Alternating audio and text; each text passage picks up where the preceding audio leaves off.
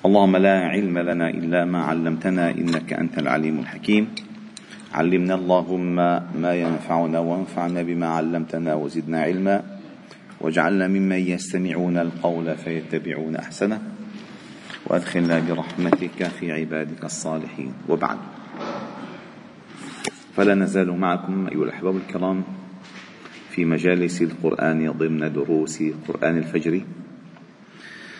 وقد وصلنا إلى قوله تعالى في سورة النساء الرجال قوامون على النساء بما فضل الله بعضهم على بعض وبما أنفقوا من أموالهم فالصالحات قانتات حافظات للغيب بما حفظ الله واللاتي تخافون نشوزهن فعظوهن واهجروهن في المضاجع واضربوهن فإن أطعنكم فلا تبغوا عليهن سبيلا إن الله كان عليا كبيرا.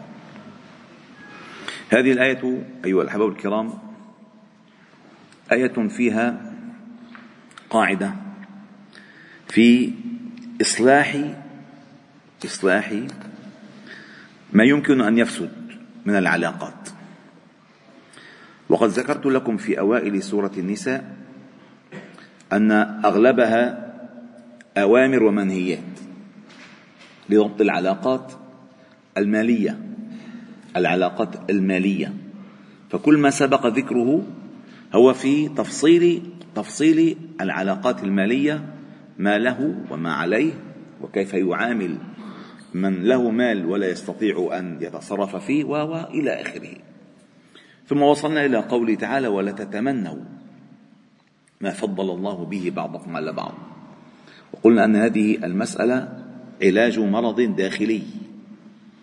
أي لأن هذا المس... هذه المسألة مسألة تختص بالقلب. ولا يمكن أن يطلع عليها أحد. إلا الله. ثم الله جل جلاله وضع هذه القاعدة بعدما ذكر ولا تتمنوا ما فضل الله به بعضكم على بعض. وهي قوله تعالى الرجال قوامون على النساء. بما فضل الله بعضهم على بعض وبما أنفقوا من أموالهم. وأن التفضيل ليس بمعنى التشريف وقد ذكرت لكم ذلك تفصيلا. التفضيل هنا ليس بمعنى أن الرجال أشرف من النساء أو عند الله تعالى لهم الأجر الكبير أكثر من النساء. ليس هذا المقصود. إنما المقصود بما زادهم من الأعمال والتكاليف. بما زادهم من الأعمال والتكاليف. وبما أنفقوا من أموالهم. فالمرأة العفيفة الصالحة القانتة الحافظة للغيب لا يمكن أن يطلب منها أن تنفق على نفسها. فإنها مرعية. إن كانت بنتا ثم مرعية هي مرعية إن كانت أختا ثم إن كانت زوجة ثم إن كانت أما ثم إن كانت جدة. فلا يطالب منها أن تنفق على نفسها من مالها وإن كان مع مال. النفقة على غيرها لها وليست من نفسها على نفسها. حتى ذكر الفقهاء أنها وإن كانت غنية وإن كانت غنية فزوجها يأخذها إلى الحج. إن أرادت وإن لم ترد فتأخذه هي هي إلى الحج مثلا. سبحان الله. فهذه المسألة قضية هامة جدا وأغلب استعملت هذه الآية بغير موضعها. ما الواحد بيعلق مع مرته بيقول له يا أخي الله فضلنا عليكم. لا ما كان ما المقصود هيك. التفضيل بالتكليف وليس بالتشريف. هذه احفظوها. التفضيل بالتكاليف وليس بالتشريفات. فليست المرأة أقل وضعا عند الله من الرجل. وللأسف بعض النساء عندهم عقدة عقدة تفضيل الرجال عليهم ويعاملون الرجال على أنه ليش الله الله أعطاكم أكثر ما أعطانا وهذه كذلك مشكلة. فالمشكلة بالفهم.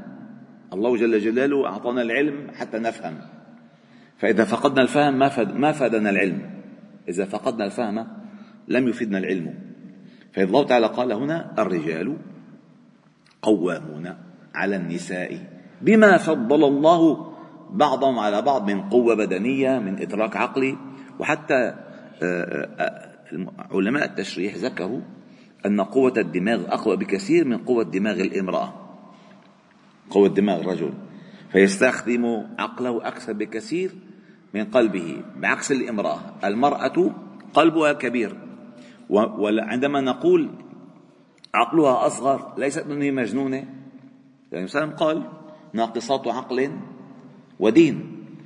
وتصوروا سيد الخلق سيد الخلق قصده بهذه هذه الجملة أن هن النساء.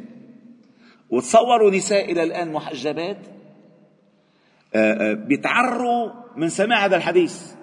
أنه كيف هذا نحن من نقصد عقل ودين يا أخي القضية بالفهم. افهموا ما قاله صلى الله عليه وسلم. هذا ناقصات عقل. مدح مدح لكم. لا يمكن المرأة أن تدير بيتها. أن تدير بيتها. وتتحامل أو وتتحمل فظاظة زوجها. والكأداء والعقبات التي تعانيها من تربية أولادها وهم صغار بعقلها أبدا إلا بالعاطفة. لو كان عقلها أكبر من عاطفتها ما استطاعت أن تصبر ولو, ولو لحظة واحدة. ولا تتحمل أبدا. سبحان الله. أحيانا الامرأة إذا كان أتاها المولود قد لا تستطيع أن تنام في اليوم أكثر من ساعتين. أما الرجال خديها الولد وحطيه برا. بطلع دغري بيفكر بده عنده شغل. المرأة خلص ألزمت نفسها بتربية ابنها وإرضاء بعلها. فإذا عندما قال النبي صلى الله عليه وسلم ناقصة عقل ودين ما قصد ذلك؟ إهانتهن وحاجة له و يعني كيف تستطيع الامرأة أن تظن بالنبي صلى الله عليه وسلم هذا الكلام؟ يعني شيء خطير. ونقص الدين نقص الدين أنها تجلس الأيام التي لا تصلي فيها ولا تصوم. من هالباب يعني التمريك أخف من الرجال. هذا المقصود. ما نقصد نقصد ما عندهم دين أبدا. ولو كان ولو كنا ناقصات عقل ودين ما ذكر الله تعالى لهن مثلا في كتاب الله تعالى. أبدا. فإذا الرجال قوامون على النساء بما فضل الله بعضهم على بعض من القوة القوة القوة. يعني عندهم قوة ما عندهم إياها النساء. وبما أنفقوا من أموالهم. فالرجل هو المكلف بالنفقة. فمن باب أولى أن يقدم لأن هو المكلف في النفقة. طيب ما دور النساء؟ فالصالحات. الله أكبر. تصور أنه أول ذكر للنساء في كتاب الله تعالى هذه الآية أن أنه سماهن صالحات. فالصالحات قانتات. حافظات للغيب بما حفظ الله. الله أكبر.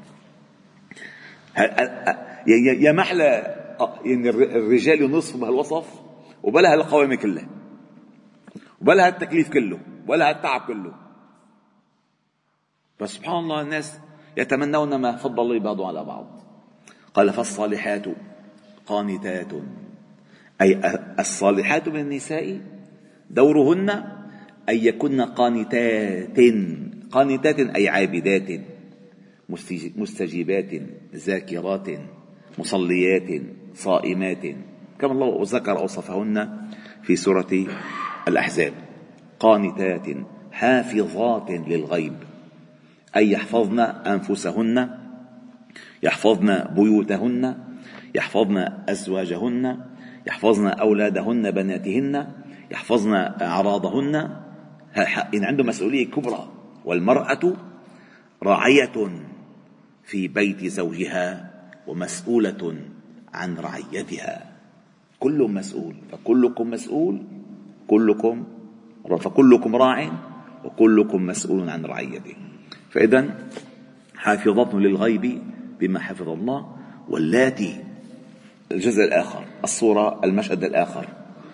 واللاتي تخافون نشوزهن فعظوهن واهجروهن في المضاجع واضربوهن فإن أطعنكم فلا تبغوا عليهن سبيلا إن الله كان عليا كبيرا. ما هو النشوز في اللغة العربية؟ النشوز هو المرتفع من الأرض. نقول أرض ناشزة أي مرتفعة عن مسيلاتها هذوليك سهلة وهذيك مرتفعة. مرتفعة يعني منها ماشي صح. يعني فيها طلعة صعبة وفيها نزلة خطرة. فإذا التي ما قال والتي ينشزن؟ قال والتي تخافون نشوزهن. لأن العلاج الحقيقي للنشوز يقع قبل النشوز. قبل النشوز. يعني في ملامح النشوز يبدأ العلاج. كيف العلاج؟ بالوعظ. هلا بتقول لي الوعظ. ما أنت كيف اخترت امرأة؟ إذا ما اخترت امرأة تستجيب للوعظ فتدفع أنت الثمن. أنت بدك وعظ. وأنت بدك هجر وأنت بدك ضرب. فالاختيار أنت منك الأصل الاختيار أنت منك. فإذا والله تعالى ذكر لك الأوصاف الصالحات القانتات الحافظات. واخترت الرقصات الفالتات شو اسمه. بدك أنت وعظ. تصور واحد مثلا. مثل ما بيصير هلأ بالقصص الكثيرة.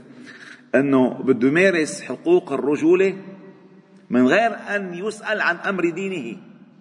بيكون لا بيصلي ولا ولا ولا. يا مرة الله فضل عليك. عدي نضبي بالبيت. تقول له أنت نضب البيت كمان. ضب لسانك. أنت تضب لسانك. بصير نفس الأمر. فلا تراه فلا ترى. الفضل منه عليها ابدا. لا لا ديانة ولا بشيء ابدا. لذلك أخطر شيء في المجتمعات التي ضربت الأسر أن تعمل المرأة خارج البيت. أخطر شيء. ليش؟ تشرب المكنة. عندها مال وخاصة إذا كانت مسؤولة أو ناظرة أو مديرة بيجي على البيت وأنا الأكل يا مرة؟ نعم ومحضر لحالك. ما معودة ما معودة على 30 سنة مديرة إلا تعطي اوامر باخر شيء بيقول لها وين الغسيلات؟ وين الأكلات؟ وأكثر شيء انتشر هلا بال بال بالواتسابات والنت إنه مين قال المراه يجب تعمل له أكل لزوجها ومين قال المراه واجب تغسل له لزوجها ومين قال المرأة؟ حقلكم مين قال؟ دينها. ما في آية ما في حديث ولكن دينها. من يصلح أمر بيتها؟ ما هي ما هي. أصلا الرجل لما بيركض برا مشان شو؟ ما كرمالها ما كرمال أولادها ما كرمال بيتها مين قال؟ خلاص زيتونتين آه، آه، قبل هلا تبع رومانيا رومانيا. شوشسكو كان يعد لهم لشعبه آه، الكالوري اللي لازم ياكلوه بالنهار بيعطينا على قده. هيك كان يعمل. تعال الرجل يعمل مع المرأة أنه خلص بحاجة أنت هالشغلة وبس. هذا لا يصح. وللأسف ملتزمات. أنا أسأل الأسئلة من الملتزمات. أنه ما في نص يا أخي. ما في نص أنا لازم. شو اسمه أخدمه بالبيت. ما في نص. لكن لا بالبيت أنت؟ كلام خطير. هذا يعني بيأثر جدا. وللأسف الله يهديهم بعض المشايخ. مشان يجيبوا آه، متابعات كثر على صفحاتهم بيحطوا حالهم بصف النساء بدافعوا عنهم. صدقوني ها أنا لاحظت كثير من المشايخ. ما عندهم هم إلا الدفاع عن النساء. وبتلاقي كل متابعينهم النساء ولو شغلوا النساء رجال فلذلك هذه شغلة خطيرة. أخطر شيء وضع الخطر في البيت خروج الامرأة من بيتها لتعمل. هلا بتقلي الصحابات الصحابات كان, كان كنا يعملنا؟ نعم إذا في ضرورة يعملنا. ستنا خديجة كانت تاجرة هذه لا حرج ولكن أن تعمل على حساب بيتها. هي دكتورة وهو دكتور. والولاد بالجردوري وين الولاد بالجردوري لابد أن يحصل, يحصل الخلل في مكان ما. لابد. هي بالجامعة وهي وهو بالجامعة. هي بالتجارة وهي بالتجارة. ما بيمشي حال لابد أن تقتسم الوظائف. فقال والتي تخافون نشوزهن فعظوهن واهجروهن في المضاجع واضربوهن فإن طعنكم فلا تبغوا عليهن سبيلا. إن الله كان عليا كبيرا. والتفصيل في هذا الجزء من الآية إن شاء الله إلى الغد بعون الله تعالى وتوفيقه. والحمد لله رب العالمين. سبحانك وبحمدك نشهد أن لا إله إلا أنت نستغفرك إليك وصلي وسلم وبارك على محمد وعلى آله وأصحابه أجمعين والحمد لله رب العالمين.